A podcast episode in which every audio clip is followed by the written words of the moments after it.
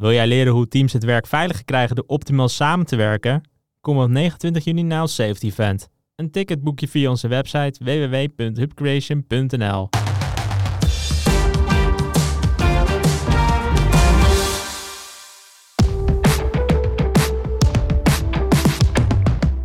Er zijn altijd redenen waarom iemand in zijn hoofd zegt: ja, voor mij geldt deze maatregel even niet. Maar op het moment dat je een vastloopt in zo'n contextbeschrijving op basis van emoties en jouw oordeel, want je bent eigenlijk boos, ja, dan mis je kansen om wel te beïnvloeden. Je mist kansen omdat je niet verder kijkt, ja, weer zo'n Nederlands gezegd, dan je Ja. neus lang, lang is. Je luistert naar Verhalen in Veiligheid. Deze podcast brengt verhalen over veiligheid samen van de mensen die het doen. Met wisselende onderwerpen. Verhalen vanuit de wetenschap, verhalen vanuit de praktijk, maar vooral verhalen die raken uit ons mooie vak. Uw presentatrice Orlie Borlak. Welkom, beste luisteraars. Het is weer tijd voor een mooie podcast. Jullie zullen vast denken: hey, volgens mij is dit niet Orly Polak. Wie zit er dan achter de mic? Nou, jullie hebben helemaal gelijk. Ik ben Laura Molsbergen, antropologe en projectleider bij Hub Creations. En vandaag interview ik Orly over ons safety event, dat op 29 juni zal plaatsvinden op ons eigen Hub Creations kantoor in Amstelveen. Ons event heet Zet veiligheid naar je hand. Orly, welkom. Dankjewel. Kun jij de luisteraars een kijkje in de keuken geven van wat er allemaal voorbij komt tijdens ons safety event? Dat kan ik zeker. Het safety event is ehm, ingericht om een bredere kijk te geven, eigenlijk in ons eigen vakgebied. Eh, bij ons eh, werken alleen maar sociale wetenschappers. Eh, Laura zelf is antropoloog, ik ben sociologe eh, en we hebben ook psychologen. En wij worden heel vaak gebeld door bedrijven die zeggen, joh, kan je ons helpen met houding en gedrag? En toen dachten wij, nou, hoe leuk is het om mensen een kijkje te geven in de keuken van sociale wetenschappen. Dus de workshops die er zijn, die zijn allemaal eh, gericht op een onderdeel van de sociale wetenschappen. Eh, de eerste workshop is ehm, mentale valkuilen. En dat gaat over, ja, ehm, hebben wij biases die ons in de weg staan als het gaat om veilig werken. Een hele bekende in de veiligheid is eh, de zelfrechtvaardigingstheorie. Ja, er zijn fouten gemaakt, maar niet door mij. Een andere bekende is, is dat je altijd op zoek gaat naar je eigen gelijk. De confirmation bias. En zo zijn er eigenlijk wel heel veel mentale valkuilen die een belemmering kunnen veroorzaken van eh, scherp kijken en alert zijn voor risico's. Het leuke is ook dat ik schrijf regelmatig voor de NVVK Info. En ehm, daar hebben we een item. Ik weet niet of de luisteraars die kent. Best wel een heel leuk item. Met wisselende auteurs die mee mogen schrijven aan dat item. Dat heet ook mentale valkuilen. Nou ja, daar kwam mijn inspiratie natuurlijk ook vandaan. En die eh, behandelen elk kwartaal een eh, mentale valkuil. Een andere workshop gaat over eigenlijk hoe geef je stem aan geluid van de minderheid. Mega populair thema momenteel is psychologische veiligheid.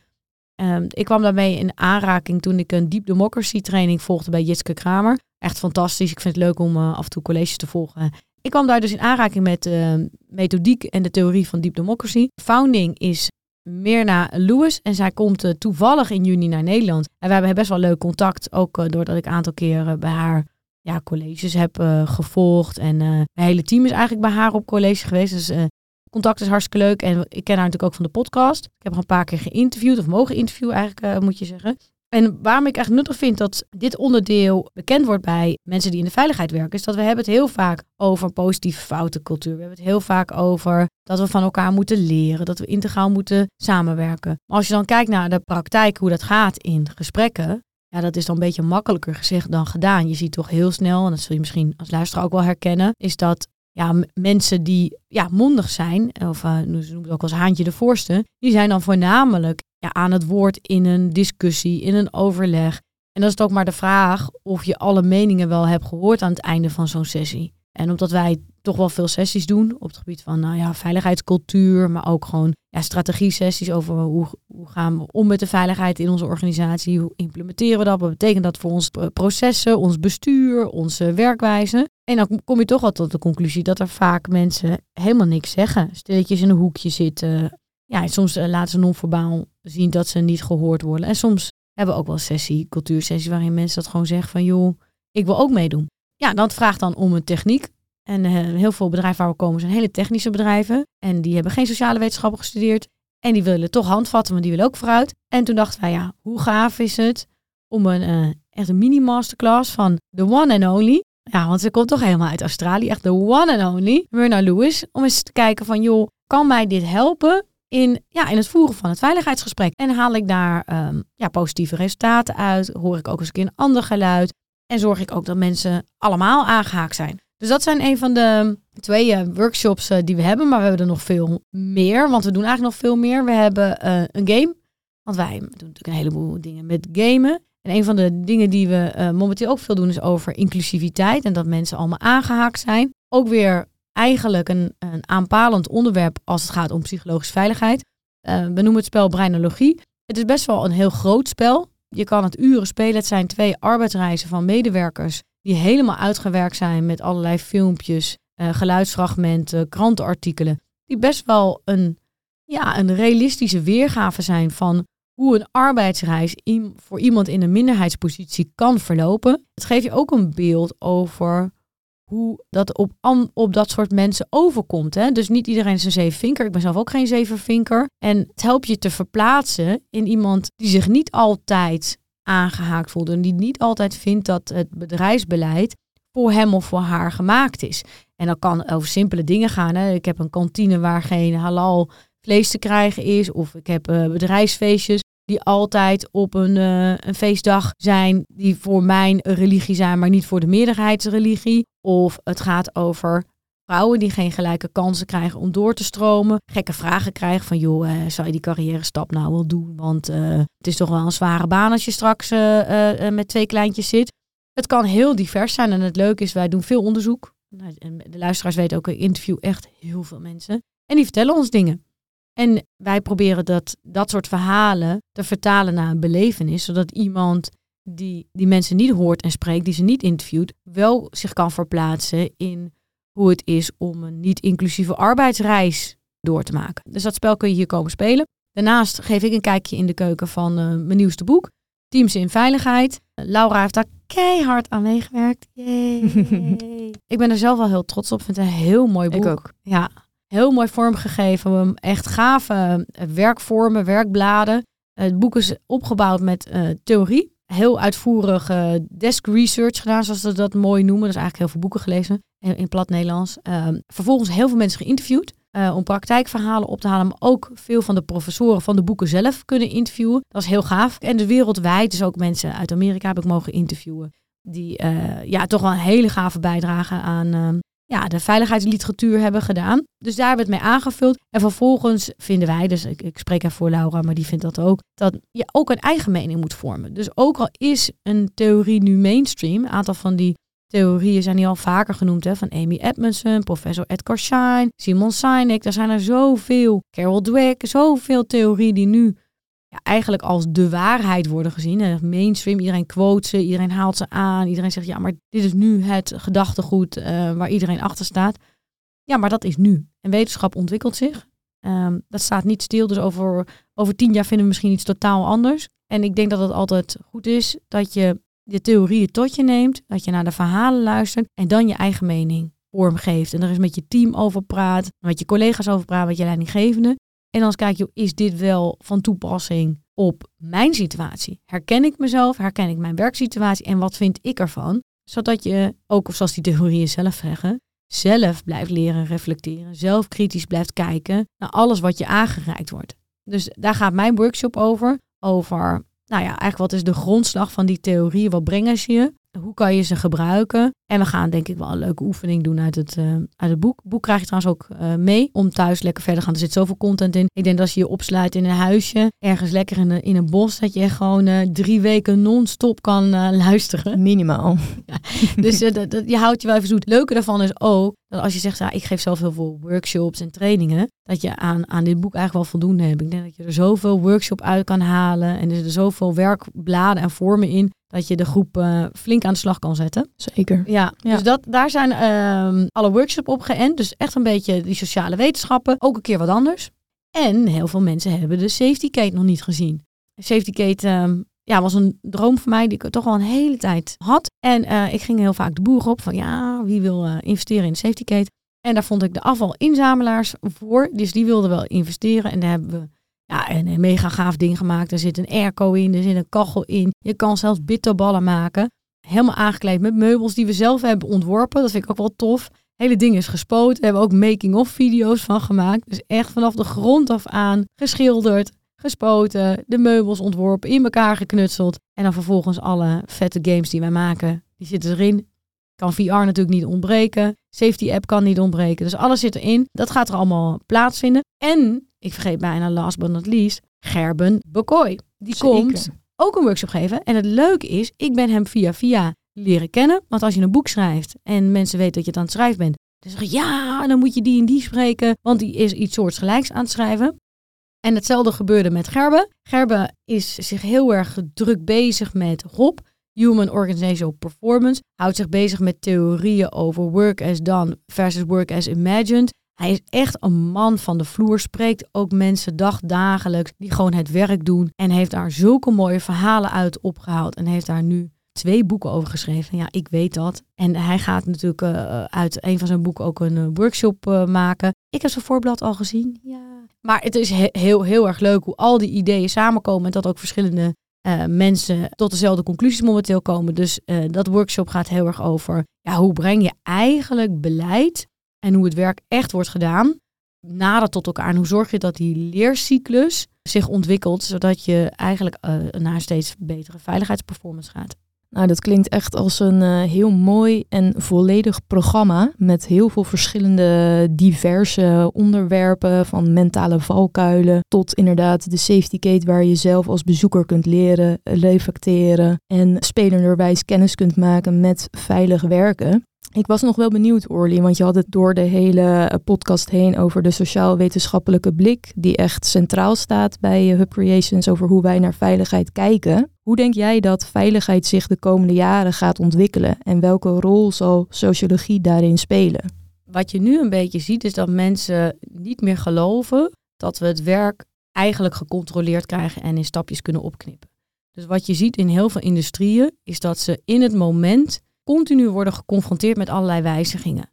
Nou, stel bijvoorbeeld, eh, je bent bezig met een brug bouwen en ja, eigenlijk moet je staal bestellen, maar je weet nog niet welk staal je nodig hebt, want het ontwerp is nog niet klaar. Maar dit gaat in zo'n rap tempo en zo snel dat je soms echt in het moment besluiten moet nemen. Nou, van ziekenhuizen weten we dat. Hè. Ziekenhuis heb je een patiënt. Een patiënt heeft tegenwoordig niet één aandoening als hij in het ziekenhuis belandt, maar soms wel twaalf. En dan moet je in het moment met al die artsen moet je die behandeling afstemmen. Ik interview heel veel mensen en ook hoe, hoe simpel het lijkt, hoe, ja, hoe lineair het ook lijkt. In de praktijk is dat niet zo. Ik was laatst bij een ehm, fabrikant die eh, aan de assemblagefabriek heeft, waar de mensen ehm, em, vrachtwagens maken. En dan denk ik, ja, maar dit is toch echt een gecontroleerd proces. Hoezo moeten zij in het moment nog tot besluitvorming komen over eh, welke keuzes zijn veilig of minder veilig? Nou ja, en dat blijkt dus aan de lopende band zo te zijn. Een leuke naamspeling, maar het is wel zo. En ook weer door spullen die, die er niet op tijd geleverd kunnen worden. ehm, personeel wat er tekort is. Er zijn altijd dingen die zorgen dat het werk niet uitgevoerd kan worden zoals die is gepland. En wat je ziet is dat het gaat eigenlijk vaker goed dan dat het fout gaat. Ook al kijken we liever naar fouten dan dat het goed gaat. Dat, eh, dat is ook heel erg mens-eigen. Hè? Eh, eh, we zijn zo verliesavers, zo eigenlijk gefocust op het vermijden van angst en pijn. Dat we alleen maar kijken naar dingen die slecht gaan. Maar in principe gaat het gewoon vaker goed dan dat het fout gaat. En daar zie je dat een socioloog kan helpen. Een socioloog kan helpen. Hoe zit dat? Hoe werken mensen samen? Wat vertellen mensen over de momenten dat het heel goed gaat? Hoe hebben ze dan samengewerkt? En welke elementen hebben daar een rol gespeeld? Hoe hebben ze gezorgd dat ze goed konden overleggen? Hoe hebben ze ervoor gezorgd dat iedereen die belangrijk was in het overleg ook aangehaakt was? Dat alle besluitvorming ja, eigenlijk goed geïnformeerd verliep. En ik denk dat een socioloog heeft toch wat meer afstand van het veiligheidsonderwerp. Je zit er niet op onderwerp vanuit een compliance perspectief, maar meer vanuit een mens- en organisatieperspectief. En dan kijk je eigenlijk gewoon nou, hoe gaat het? Gewoon echt een ja, empirische blik van hoe, hoe wordt het nu georganiseerd? Daar van een afstandje naar kijken, eens kijken of je daar patronen in kan ontdekken. Ik vind het mooi aan sociologie is dat het ook zich ook afzet tegen theorieën. Dus het heeft een, een toetsingskader, waarbij de antropoloog echt er heel open zit.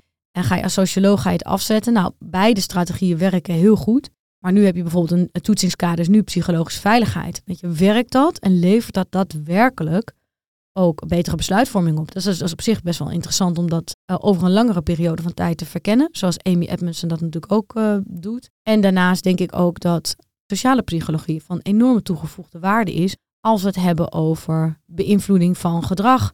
Wat heeft iemand dan nodig om tot een bepaald eh, gedrag te komen? En daarin raakt het heel erg sociologie, waarbij de sociologen eigenlijk alleen maar kijken naar kan iemand het gedrag vertonen? En um, sociaal psychologen ook kunnen als de meest belangrijkste determinant zien in de gedragsbeïnvloeding. En eigenlijk komt het allemaal een beetje zo samen, waardoor je door sociale wetenschappen en wat meer inzicht krijgt in hoe al die processen lopen. Wat is nou cultuur? Hoe werken mensen samen? Zien we daarin uh, patronen? En vervolgens kaders om het of te gaan beïnvloeden of te gaan toetsen aan een bepaalde theorie. En dat levert inzicht op. En het levert in ons geval ook gewoon ja, spullen op. Want wij maken spullen op basis van ja, eigenlijk al het onderzoek wat we doen. Zeker. Ja, mooie uitleg inderdaad over de sociologische benadering en hoe alles zo samenkomt in gedragsbeïnvloeding en hoe je als socioloog eigenlijk een beetje buiten het hele veiligheidsdomein een blik kan geven op uh, ja, hoe je dat gedrag dan kan beïnvloeden. En ook hoe bijvoorbeeld iemand vanuit techniek dan heel veel daarvan kan leren, die vaak juist te erg in het werk al zit, waardoor die vaak het grotere plaatje of het grotere geheel niet in die zin kan zien of overzien. Ik ben daarnaast nog wel benieuwd hoe een veiligheidsdeskundige dan ook deze bril van de sociologie zou kunnen implementeren in het werk. Kan je daar iets over vertellen?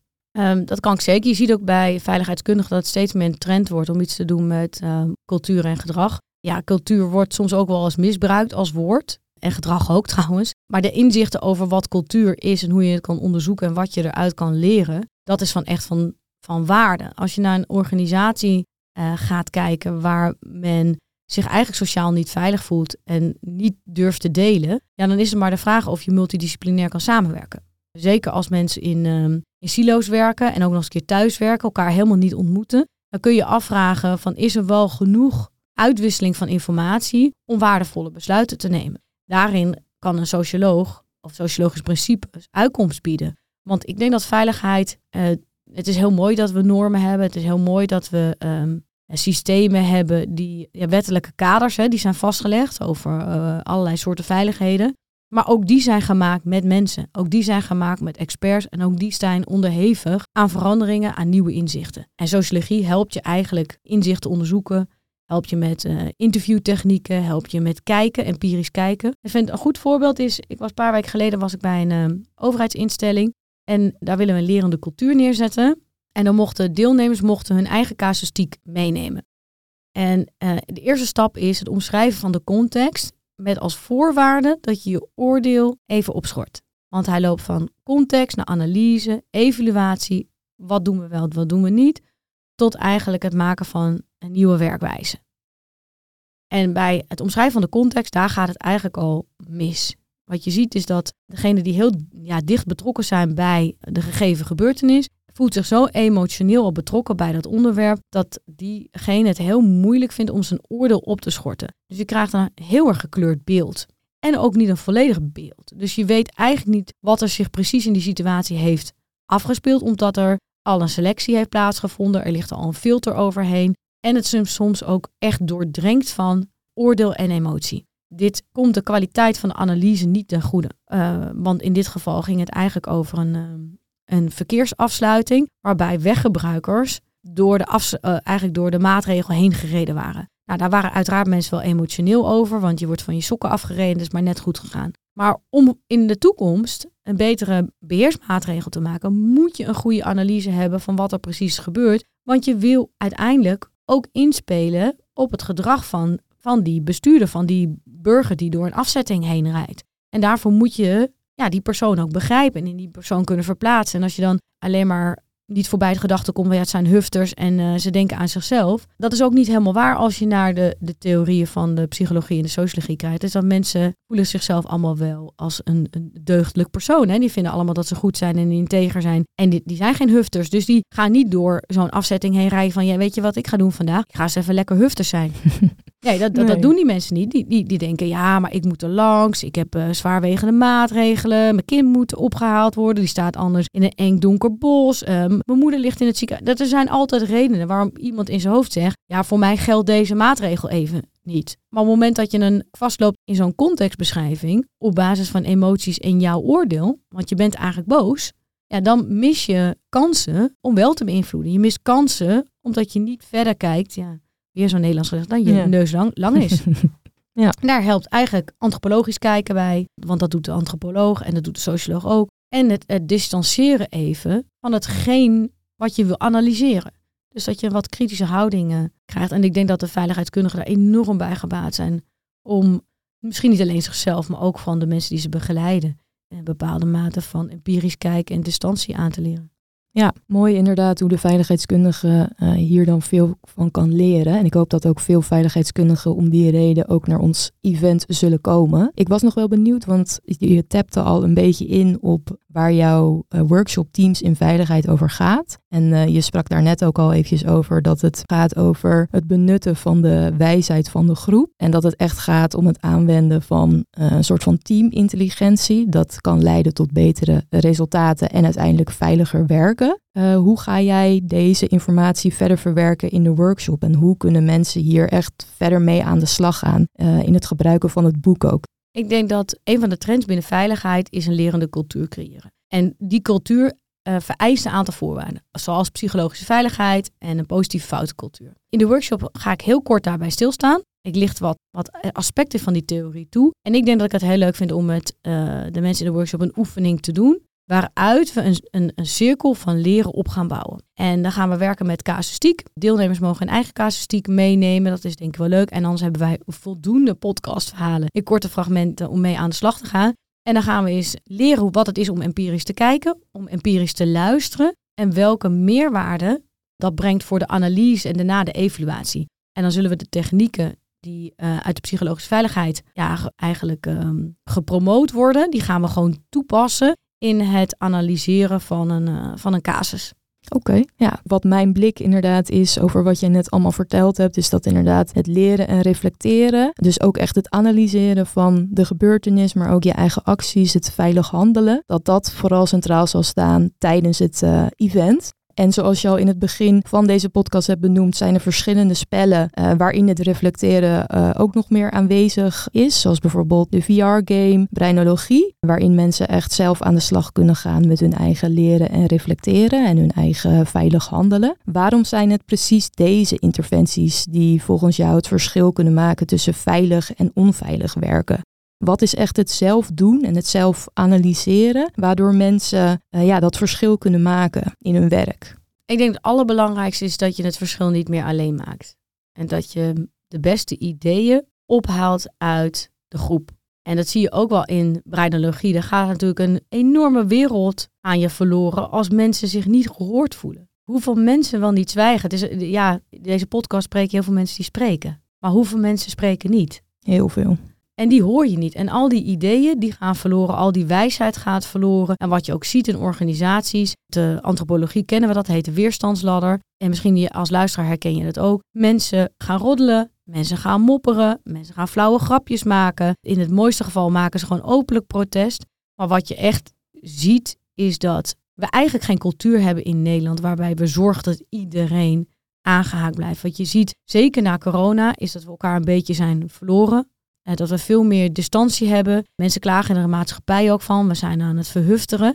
Nou, op de werkvloer zie je ook dat er soms verbinding mist. Wij komen in sessies bij elkaar waarin mensen elkaar nog nooit hebben gezien. Waarin handjes moeten worden geschud. Waarin mensen zichzelf aan elkaar moeten voorstellen. Ja, ik vind het heel lastig samenwerken met iemand die ik niet ken. En dat klinkt heel erg, eh, ja, simpel wat ik zeg. Maar als we naar de theorieën kijken van Edgar Schein, dan gaat het allemaal om persoonlijke relaties en om verbinding. En de hele theorie van Amy Edmondson gaat ook over persoonlijke relaties en verbinding. Eigenlijk zeggen ze allebei, je kan niet leren en reflecteren en innoveren en verbeteren als je elkaar niet kent. Want je durft het niet te zeggen. Je durft niet een inconvenient truth te zeggen. Je durft niet iets te zeggen waar niemand op zit te wachten. Stel dat je een heel project hebt gebouwd, het miljoenen gekost.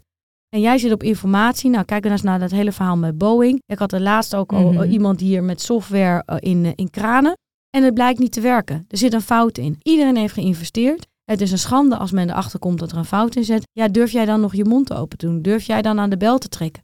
Dat durf je alleen Nee. als je elkaar heel goed kent. Mhm.